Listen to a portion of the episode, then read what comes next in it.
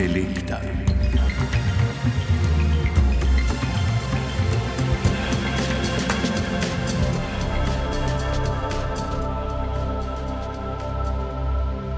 Infektologinja dr. Tatjana Lejko Zupanc, farmaceut profesor Tomaš Bratkovič, sociolog Andraš Zorko. To so strokovnjaki, ki bodo odgovarjali na vprašanja in izzive, na mite in resnice današnje intelekte. Gospod Andraš Zorko, kakšno je zdaj v Sloveniji razpoloženje glede cepljenja proti COVID-u? V zadnji meritvi naše raziskave Nova normalnost smo zabeležili kar umreko občutnejši padec namere, izražene namere za cepljenje, potem, ko je bila ta nekaj časa dosti stabilna. Namreč eh, smo izmerili več kot 20 odstotkov takih, ki nam zatrjujejo, da se sploh ne nameravajo cepiti kar pomeni, da sta zdaj tudi minimalna in maksimalno dosegljiva stopna precepljenosti populaciji 18 plus nekoliko nižji, kot sta bili na zadnji. Zakaj mislite, je tako, kako si to razlagate? Uh, mislim, da smo prišli v neko točko, ko so različni, bom rekel, kar pritiski uh, na tiste, ki niso cepljeni, oziroma vsi, vsi promocijski napori, očitno prišli v neko fazo kontraučinka, da se določen del populacije, ki sicer še okleval, zdaj bolj postavil na drugo stran, bolj proti ne, kot pa za cepljenje. Mislim, da gre za v osnovi napačen pristop k, pri nagovarjanju teh ljudi, uh, ki uporablja na eni strani nagovore, ki ne nagovarjajo resnične razloge za oklevanje, hkrati pa s to količino vsega tega, s tem pritiskom povzročajo neko nelagodje, zaradi katerega se morda tisti, ki oklevajo, počutijo še nekoliko bolj ogrožene in še bolj pripričane to, da tukaj nekaj ni v redu. Sociolog in analitik Andraš Zorko iz agencije Valikon s kolegi že od decembra z raziskavo Nova normalnost spremlja odziv slovenske javnosti na cepljenje proti COVID-u. Kako torej slovenke in slovenci odgovarjajo na odločilno vprašanje, ali se boste cepili proti COVID-u, da ali ne? Zadnji valikonovi podatki kažejo, da se namerava cepiti le 62 odstotkov tistih, ki še niso polno cepljeni. To je za 6 odstotkov manj kot konec julija.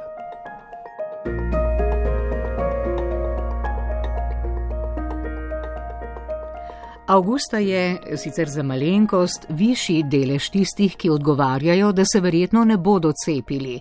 15 odstotkov avgusta proti 14 odstotkom konec julija. Za 4 odstotne točke je avgusta narasel delež tistih, ki se zagotovo ne bodo cepili. Teh je zdaj 23 odstotkov, konec julija pa jih je bilo 19 odstotkov. Poslušajmo, kateri razlogi proti cepljenju prevladujejo pri tistih, ki se zagotovo ne bodo cepili. Kateri pa so razlogi tistih, ki še oklevajo, sociolog Andraš Zorko. Ko sprašujemo po razlogih, zakaj ne, so ti razlogi pri tej skupini ljudi, ki pravijo zagotovo ne, bistveno drugačni od tistih, ki oklevajo, se pravi tisti, ki pravijo verjetno ne ali pa verjetno ja. Predvsem pri njih bolj izstopajo tudi teorije zarot, v smislu, da koronavirus ne obstaja, da pa predvsem ta, ta, to stališče, eh, jaz imam dovolj dober imunski sistem, meni se ni potrebno cepiti. Kaj pa tisti, ki še oklevajo, kaj pa oni rečejo? Pri oklevanju sta pa spet uh, ključni razliki med temi, ki pravijo verjetno da, pa verjetno ne. Med temi, ki pravijo verjetno, da se bodo, da se bodo verjetno cepili, je ključni razlog za oklevanje strah pred stranskimi učinki oziroma strah nasploh. Oni tudi to priznavajo, da jih je pač strah. Uh, nekateri med njimi tudi menijo, da, oziroma zatrjujejo, da če pa bo potrebno, se bodo vendarle cepili. Eh, imajo pač neko take zdravo človeške pomisleke, zakaj ne, in pri njih prednači strah, predvsem strah pred stranskimi učinki. Pri tistih, ki se verjetno ne bodo, ki pravijo, da se verjetno ne bodo, že prevladuje odgovor, da gre za eksperimentalna cepiva in da cepivom ne zaupajo, v manjši meri pa, da, ne, da to ni potrebno, ker ne spadajo v rizično skupino ali pa zaradi stranskih učinkov. Ko pa pridemo na to zadnjo skupino, zagotovo ne. Tam je pa izrazito prevladujoč razlog, da gre za eksperimentalna cepiva, ki jim ne zaupajo, v manjši meri pa, da ni potrebe za to, ker, spadajo, ker ne spadajo v rizično skupino, oziroma tu se pojavi tudi kot uh, odgovor, recimo, ne verjamem v korono. Pomisleke, dvome, strahove in vprašanja povezane s cepivi in cepljenjem proti COVID-u bosta osvetlila infektologinja dr. Tatjana Leko Zupanc z infekcijske klinike v Ljubljani in farmaceut profesor Tomaš Bratkovič z fakultete za farmacijo.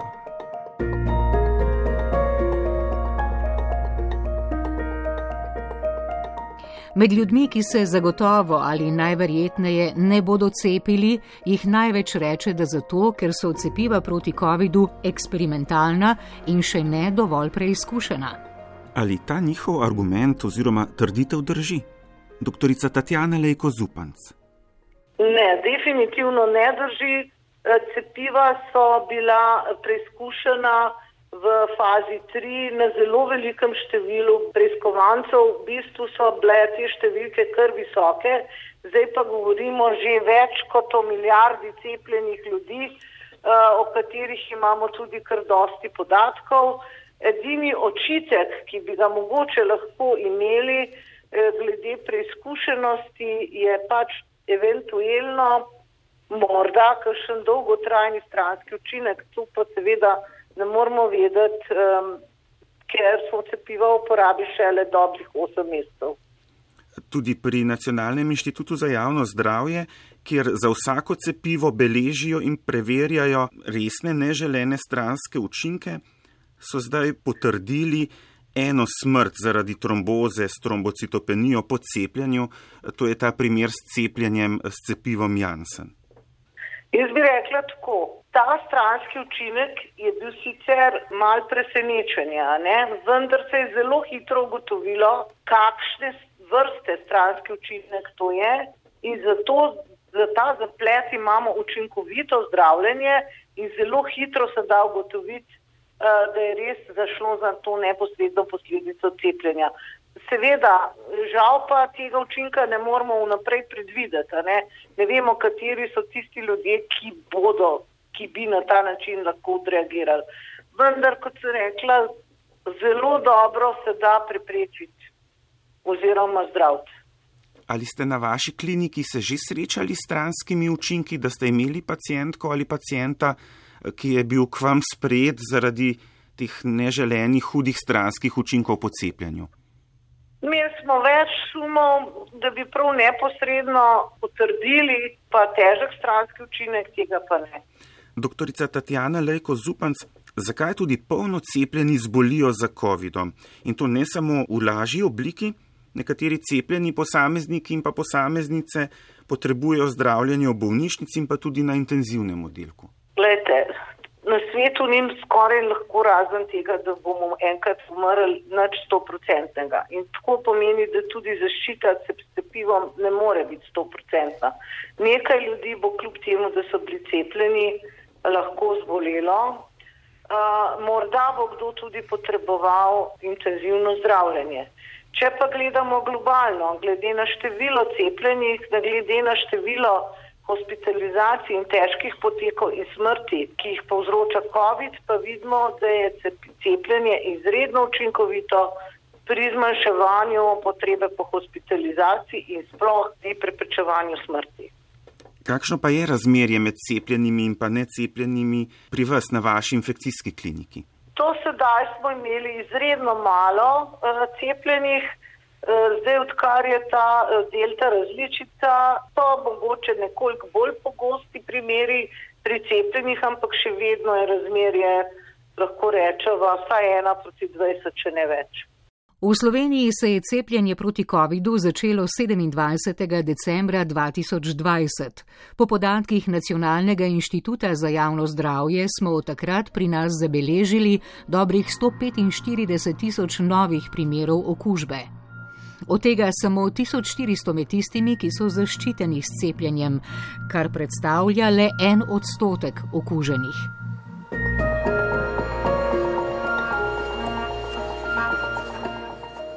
V našo državo je prispelo že več kot 2 milijona 670 tisoč odmerkov cepiva proti COVID-u.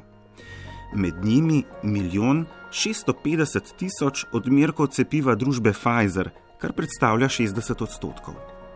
Na drugem mestu je s 616 tisoč odmerki AstraZeneca, 23 odstotkov, sledita Moderna in Janssen.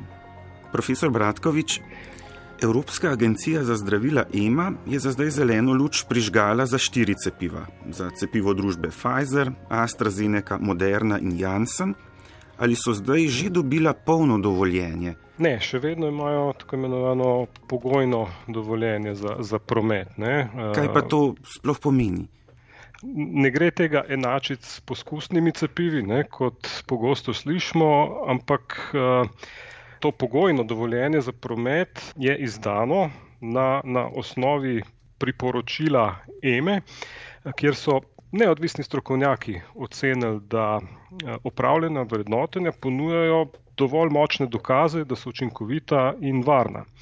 Zdaj sama varnost, jasno tudi učinkovitost, nikoli ni sto odstotna, ampak je to potrebno presoditi tudi z vidika potencijalne dobrobiti za, za prejemnika. In tukaj, po mojem, ni, ni nikakršnih vprašanj. Zdaj se vpraša, zakaj je odobritev pogojna? Zato, ker se klinično vrednotenje cepiv um, nadaljuje, kljub temu, da so vstopila na trg. Uh, spremljajo udeležence kliničnih raziskav in še vedno ocenjuje, kakšno je trajanje imunosti. Ampak smo videli, to ni najbolj enostavno v luči spreminjanja virusa. Profesor Bratkovič, strokovnjaki pred svojim predavanjem ponavadi pokažejo izjavo o nekonfliktu, konfliktu interesov. Ali imate vi kakšen interes, kadar govorite o cepivih proti COVID-u? Ne, osebnega ne, bi si pa želel, no, da vendarle, kot rečeno, prepričamo čim več ljudi, da je cepljenje ena dobra stvar, ki nam nudi zaščito ne samo posameznikom, ampak družbi kot taki. Ne. In jaz sem del družbe in si seveda želim, da bi uh, čim prej stopili v neko normalno stanje. To ne bo stanje, kot je bilo mogoče leta 2019, ne, ampak vendarle bi si želel, da, da ta epidemija počasi ali pa pandemija ne, počasi izveni. Pogost razlog za necepljenje je strah pred neželenimi učinki cepiv ali so v cepivih proti COVID-u snovi, ki lahko povzročijo škodo. V mislih imam naprimer konzervance, pospeševalce, ojačevalce. Katere snovi so v cepivih? Ja, jaz bi se dotaknil mogoče širše, no? ne samo um, cepiv proti COVID-u, čeprav lahko dava povdarek na to. Ne? Če se strinjate. Strinjam, povejte. Ja, vsaka vrsta cepiva ima neko specifično sestavo da je osnovna komponenta, tista aktivna ne, komponenta, je vedno antigen in to je ali beljakovina ali pa sladkor, ki posnema določen del patogena ne, in izove specifičen imunski odziv. Po drugi strani so pa ostale snovi, eh, ki jih najdemo v cepivih, v glavnem namenjene stabilizaciji ali pa zaščiti aktivne komponente ne, pred eh, fizikalno-kemijskimi dejavniki iz okolja posod, kjer imate upraviti uh, s proteini, jih je potrebno, ker so občutljive molekule, ščititi pred uh, vplivi okolja. Ne? In takšni so recimo taki dodatki, tudi v cepivih so recimo uh, sladkori, kot je saharoza ali pa tako imenovan namizni sladkor, ne? ali pa nizka koncentracija alkoholov, etanola. Potem so tukaj jasno snovi za uravnavanje uh, vrednosti pH, pa ionske jakosti, mRNA cepiva vsebujejo pa, in to je posebnost, ne, tudi um, posebne maščobne komponente. Ne, to so kationski oziroma uh, pozitivno nabiti lipidi, pa holesterol, fosfolipide, kakršne najdemo tudi v membranah celic. Uh, lipide, ki, na katere um, ve, je vezan polietilen glikol. Funkcija teh je pa, da zaščitijo molekule informacijske RNA, po vstopu ne, v telo in ji sploh omogočijo, da se prenese, da vstopi v celice. Adjuvansov, vektorska cepiva, pa cepiva na osnovi informacijske RNA ne vsebujejo. No, podobno velja tudi za konzervanse v tistih uh, odobrenih cepivih za enkrat proti COVID-19, ne jih ni.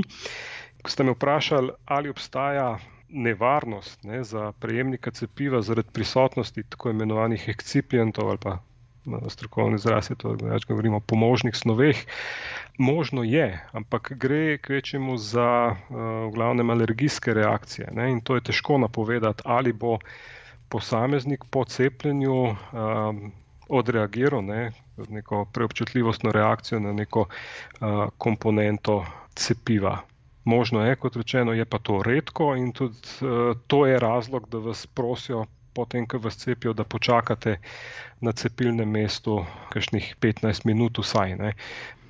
Kaj pa neželeni učinki, ki bi se lahko pojavili več let po cepljenju, naprimer neplodnost?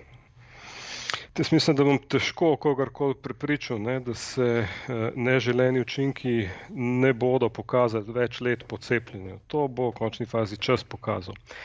Ampak, kjer pa imam, ne, je, argument je pa v tem, da do sedaj, vseh dosedanjih primerih, pa govorimo o drugih cepivih, ne, s katerimi imamo daljše izkušnje, neželeni učinki, kadar je do njih pač pa šlo, so se vselej pokazali v nekaj dneh ali pa v nekaj tednih po cepljenju.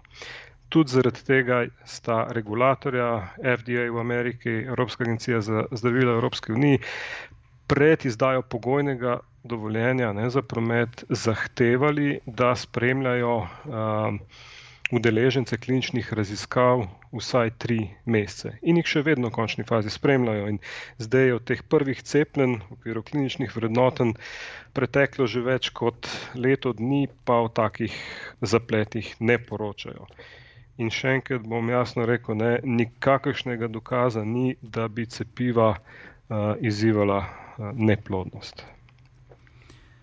Profesor Bratkovič, Za še eno trditev bi vas vprašal, če drži ali ne, ali je cepljenje s cepivi proti COVID-u in pa s temi sodobnimi mRNA cepivi družb Pfizer in pa Moderna genska terapija ali ni, ali ta cepiva spremenijo človekov dedni material ali ne.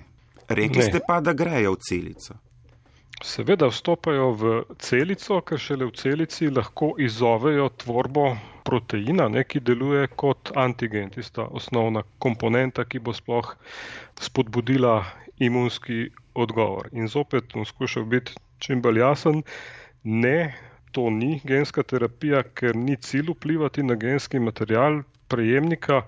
To niti ni mogoče, ne, ker je informacijska RNA relativno kratko živa molekula se v um, organizmu precej hitro razgradi, kar je bistveno, ne, za njo ostane imunski spomin. In ne, nikakor cepiva na osnovi informacijske RNA ne spreminjajo genskega zapisa prejemnika. To je nemogoče. Ker tudi ne vstopijo v celično jedro ne vstopijo v celično jedro, zadržujejo se v tako imenovani citoplazmi in celica jih kot tudi lastne informacijske RNA s časoma razgradi. Ne. To je en mehanizem, kako lahko mi sploh uh, odreagiramo na neke okoljske dejavnike z uh, povišanim ali pa zmanjšanim izražanjem genov. Ne. Genska informacija je stalno prisotna v jedru in se po potrebi prepiše. Kadar je potreba po določenem proteinu večja, bo tudi uh, nastajanje informacijske RNA, ki prenese to gensko informacijo iz jedra v, v citosol, močnejša ne? in nastalo bo več proteina. Ko se enkrat pogoji v okolju na splošnem uh, zamenjajo, ta protein ni več potreben, celica sproti razgrajuje tisto informacijsko RNA. Zato protein ne nastaja več. In podobno se dogaja tudi z sicer to sintezno ne, informacijsko RNA, ki je komponenta cepiva. Ta komponenta mRNA se hitro razgradi, kaj pa ostale komponente cepiva, koliko časa cepiva ostane v krvi, če tako rečem, v telesu? Krvi sploh ne ostane. Ne. Apliciramo jo v eh, to cepivo, apliciramo torej v mišico vstopi v mišične celice, vstopi tudi v določene imunske celice, ki jo potem zanesajo v bezgavke. Kot rečeno, mRNA je kratko živa, ostale komponente so ali identične ali pa zelo podobne naravnim celičnim komponentam. Ne, se recimo tisti lipidi, tiste maščobe, ki tvorijo ovoj okrog informacijske RNA v teh delcih cepiva, se pravzaprav zlije z membrano celice. Ne. In tudi celične komponente se s časoma seveda razgradijo. Ne. Naše celice nenehno sintetizirajo nove strukturne molekule. Tiste stare, izrabljene, pa jasno razgrajujejo. Tako da jaz mislim, z tega vidika ljudi ni potrebno no, skrbeti, uh, da, da, bo, uh, da bodo komponente cepiva se nalagale ali pa daljši čas ustajale uh, v celicah. Ali snovi iz cepiva lahko prehajajo v možgane, da prestopijo to barijero? Vedno iniciramo cepivo ne lokalno v mišico cepivo ni živo, se tam ne pomnožuje, ostane lokalno oziroma ga zanesejo tiste imunske celice kvečemu v bezgavke. Doseč transport ne, neke, neke snovi, tudi če bi to želeli v možgane, v centralni žilčni sistem, je še kako velik problem v farmaciji nasploh. Ne. Nekatera zdravila bi si želeli, seveda, spravljati v centralni žilčni sistem, pa je to izjemno težko. Zdaj pričakovati, da bo pa vem, informacijska RNA prosto vstopala v uh, centralni žilčni sistem, se mi zdi pa iluzorno. No.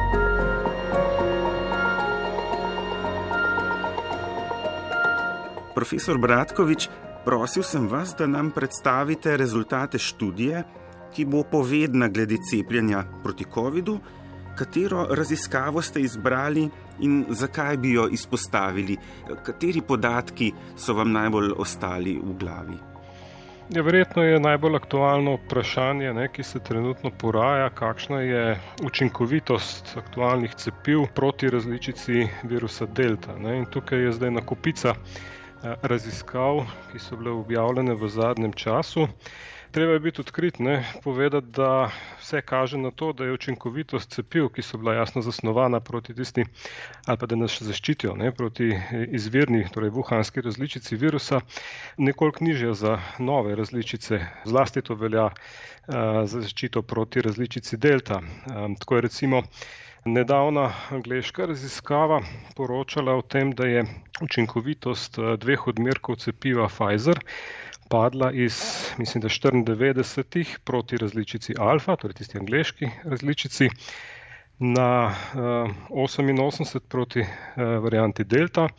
Za dve, dva odmerka cepiva AstraZeneca pa naj bi padla učinkovitost iz 75 na 67 odstotkov, kar je še vedno zelo dobro. Uh, Po drugi strani pa z Izraela zanimivo poročajo, da eh, je eh, upad učinkovitosti znatnejši, ne? na vsega recimo 40 odstotkov proti različici delta.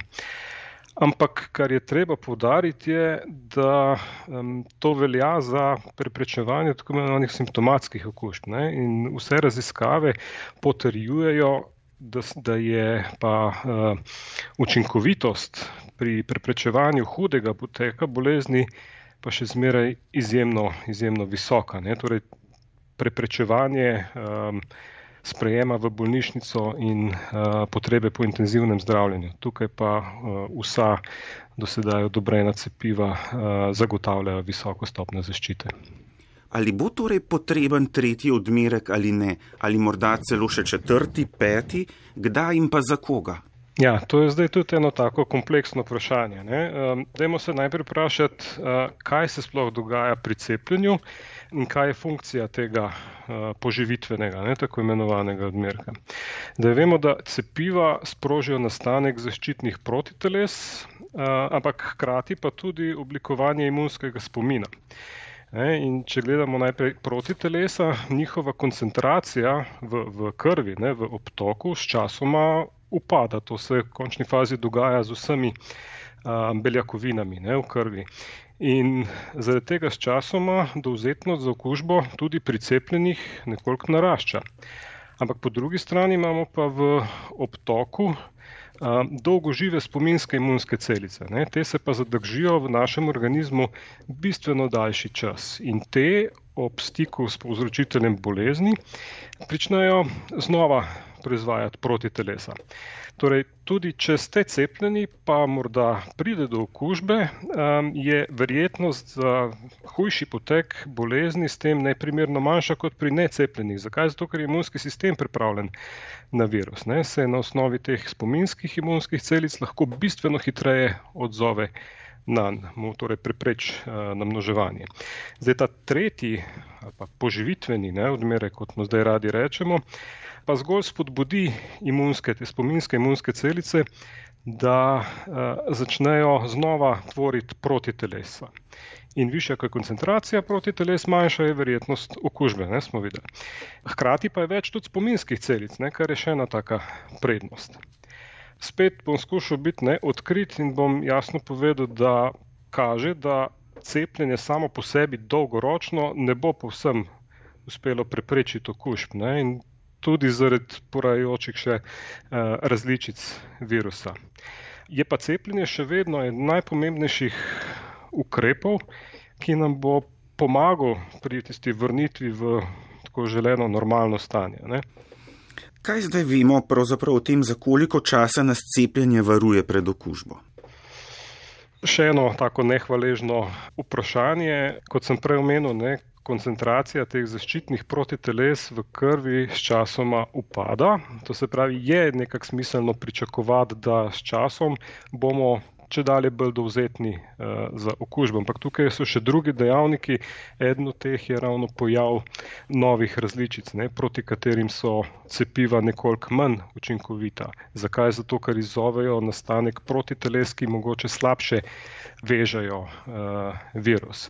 Ampak spet, če je njihova koncentracija dovolj visoka, lahko tudi nekoliko slabša, ne, v narekovajih proti telesa nudijo zaščito proti, proti okužbi ali pa vsaj proti hudemu poteku bolezni. Težko je karkoli no, špekulirati, po moje, v, v tej, uh, na tej stopni.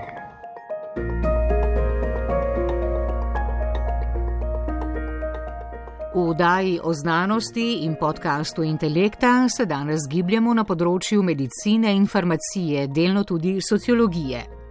Sodelujejo infektologinja dr. Tatjana Lejko Zupanc, farmaceut profesor Tomaš Bratkovič in sociolog Andraš Zorko. Izhodišče so rezultati javnomnenjske raziskave Nova normalnost, s katero pri družbi Valikon spremljajo odziv na cepljenje proti COVID-u in doživljanje vsakodnevnega življenja v novih razmerah. Podatki raziskave so dostopni javno. Sogovornik Andraš Zorko je partner in direktor družbe Valikon. Kakšna je metoda vaše raziskave, me še zanima, in pa še bolj ključno vprašanje morda, kdo raziskavo Nova normalnost financira?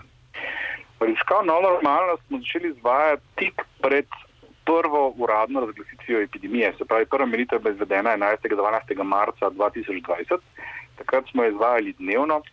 Raziskave ne financira nobeno podjetje, organizacija ali posameznik. Gre za naš uložek, naš prispevek k razumevanju odzivanja javnosti na epidemijo, čisto po običajni metodi in postopkih, kot jih upravljamo za vse raziskave sicer.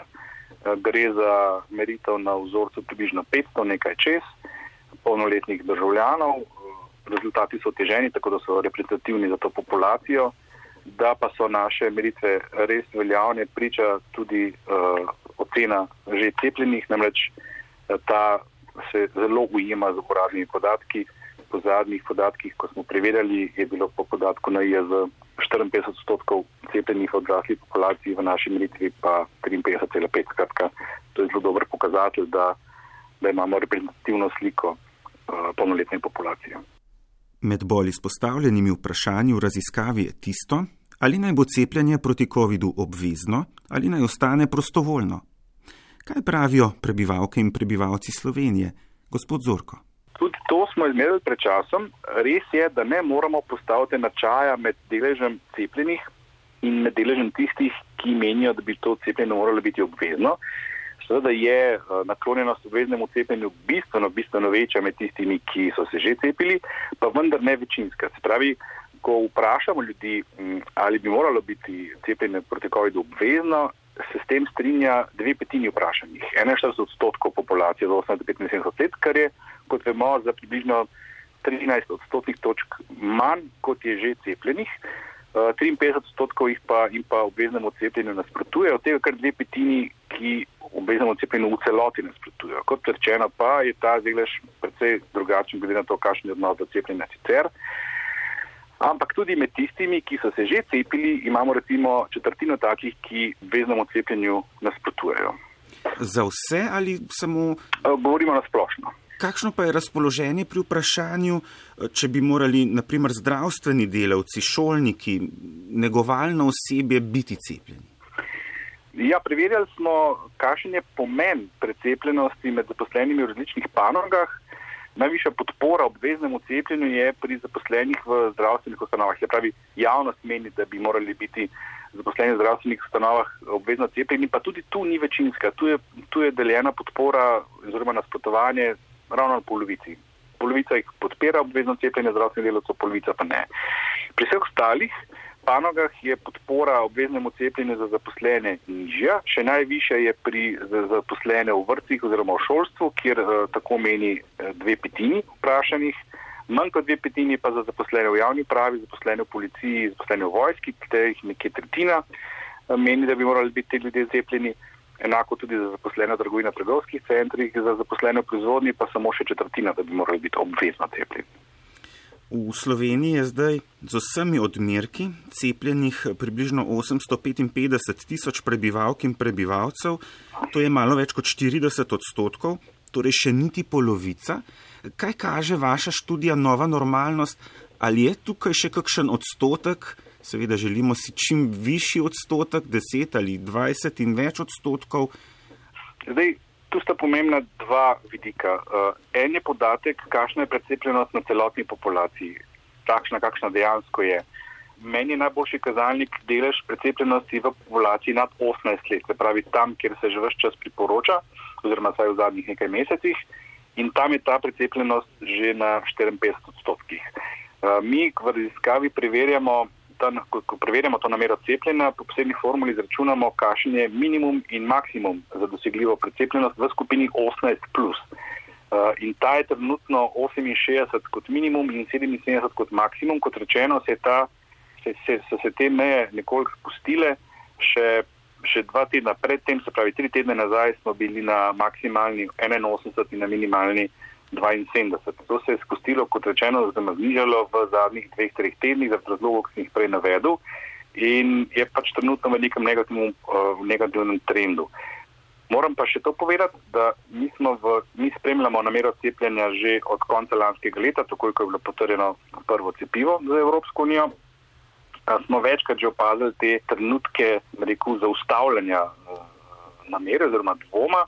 In zdaj smo spet na eni taki prelomni točki, kjer grejo lahko stvari navzdol, ali pa če se bodo spretno lotili promocije tega, eh, oziroma na drugačen način, predvsem cepljenja, da se ta negativni trend takoj zaustavi in da se ta krivulja začne zopet uspenjati. Na polnoletni populaciji je trenutna ocena, da je, da je dosegljivih 68 odstotkov, se pravi še 14 uh, stotnih točk več, kot jih je že danes cepljenih. Toliko prostora je in do tja bi morali priti, če se bodo seveda spremenili pristopi k nagovarjanju.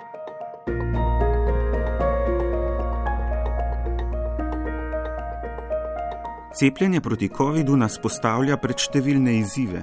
Med njimi so tudi strahovi in dileme posameznic ter posameznikov, so vprašanja, ki terjajo odgovore. Zakaj se z novim koronavirusom okužijo tudi cepljeni? Zakaj cepljenje priporočamo tudi mladim in zdravim? Kdaj in zakaj bo potreben tretji odmerek cepiva? Doktorica Tatjana Lejko Zupanc. Dejstvo pa je, da cepljeni praktično 80% manj eh, povzročajo sekundarne okužbe kot necepljeni. Eh, to so dokazali na kar dobrih raziskavah v okoljih, kjer bi se lahko virus hitro širil. Kakšen je torej vaš odgovor na vprašanje, ali naj bo cepljenje proti COVID-u prostovoljno, kot je do zdaj, ali bi moralo biti obvezno, saj za nekatere skupine eh, ljudi? Odgovor na to vprašanje je izredno težek.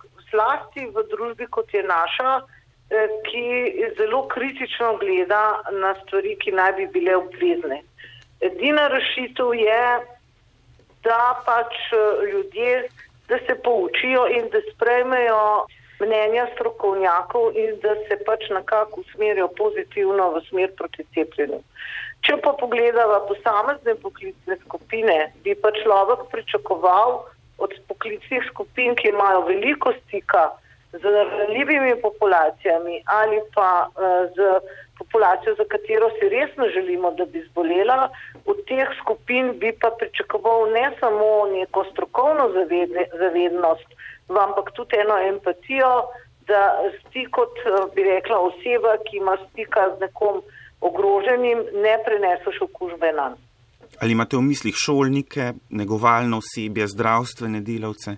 Marsi kakšne spoklicne skupine eh, so take, za katere bi si želeli, da bi bile dobro zaščitene, pa ne samo zaradi tistih, s katerimi pridejo v stik, ampak tudi zaradi njih samih. Mi vse vemo, kako je bilo, dokaj ni bilo cepiva v zdravstvenih ustanovah, v domovih, pa tudi v šolah in v vrtcih, v javnih upravah. Javne uprave so bile bolj ali manj zaprte, ampak vsi tisti, ki imajo veliko stika z ljudmi, so kar veliko bolevali. Omenil sem že raziskavo Nova normalnost. Med razlogi proti cepljenju je zelo pogosto tudi strah pred stranskimi učinki cepljenja. Kakšen je vaš odgovor na ta strah, na, na te pomisleke in pa dileme povezane s strahom? Vsekakor je to popolnoma normalno, da je ljudi strah, kajti cepijo se bolj ali manj zdrave osebe in mislijo, da ti lahko neka, neka snov povzroči težave je sigurno, sigurno lahko človeka odvrača od cepljenja.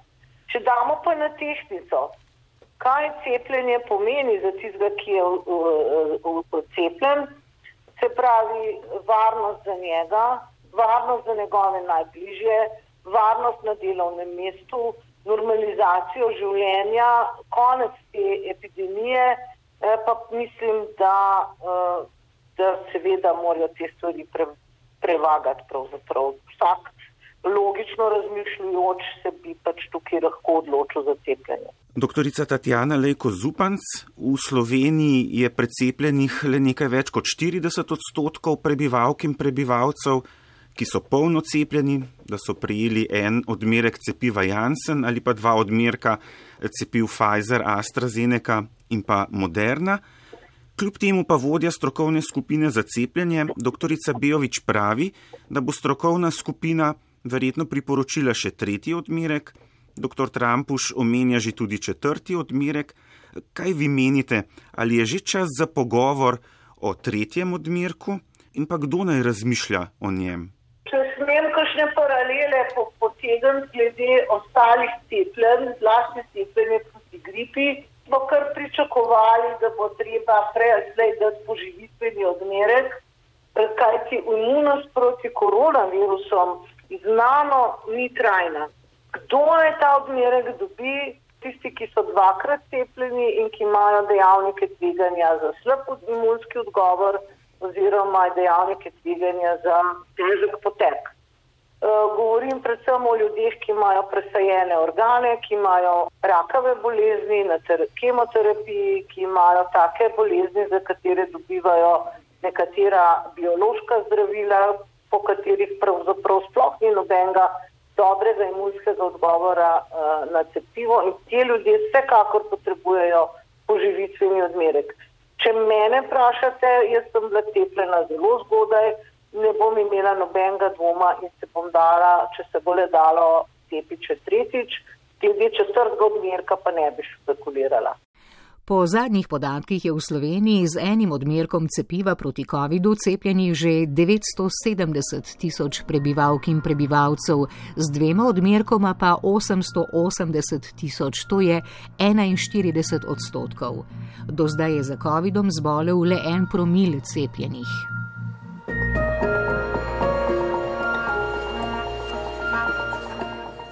Gospod Andraš Zorko, z raziskavo Nova normalnost spremljate odziv ljudi na cepljenje v Sloveniji. Kateri podatek iz vaše raziskave najbolj bode v oči? Pri podatkih o tem, kakšna namera cepljenja in kdo se je cepil, kdo se ni in kdo se zagotovo ne bo, nas je negativno presenetil trend, ki ga zaznamo sicer tudi pri politični participaciji oziroma pri deležbi na volitvah. Torej, uh, opažamo, da obstaja nek generacijski prepad, namreč odklon oziroma odklonilno mnenje za cepljenje je najviše v tako imenovani generaciji Y. Gre za populacijo rojeno nekje med leti 83 in, in uh, koncem, koncem, uh, koncem 90-ih. Tu je naklonjenost cepljenju najnižja, podobno velja tudi za deležbo na volitvah. Gre za generacijo, ki očitno v predvsem manjši meri zaupa različnim družbenim podsistemom in se to odraža tudi pri zaupanju oziroma pri odnosu do cepljenja. Ta podatek odpira nov prostor za razmislek. Je ideja za novo oddajo in za nove strokovnjake. Tokratno intelekto, ki jo najdete na radio prvi.si in med podcasti Radia Slovenija, smo oblikovali Tatjana Lejko Zupanc, Tomaš Bratkovič in Andraš Zorko, pa Rudi Pančur, Lidija Hartmann, Jernej Boc in Isto Konc. Intelekta.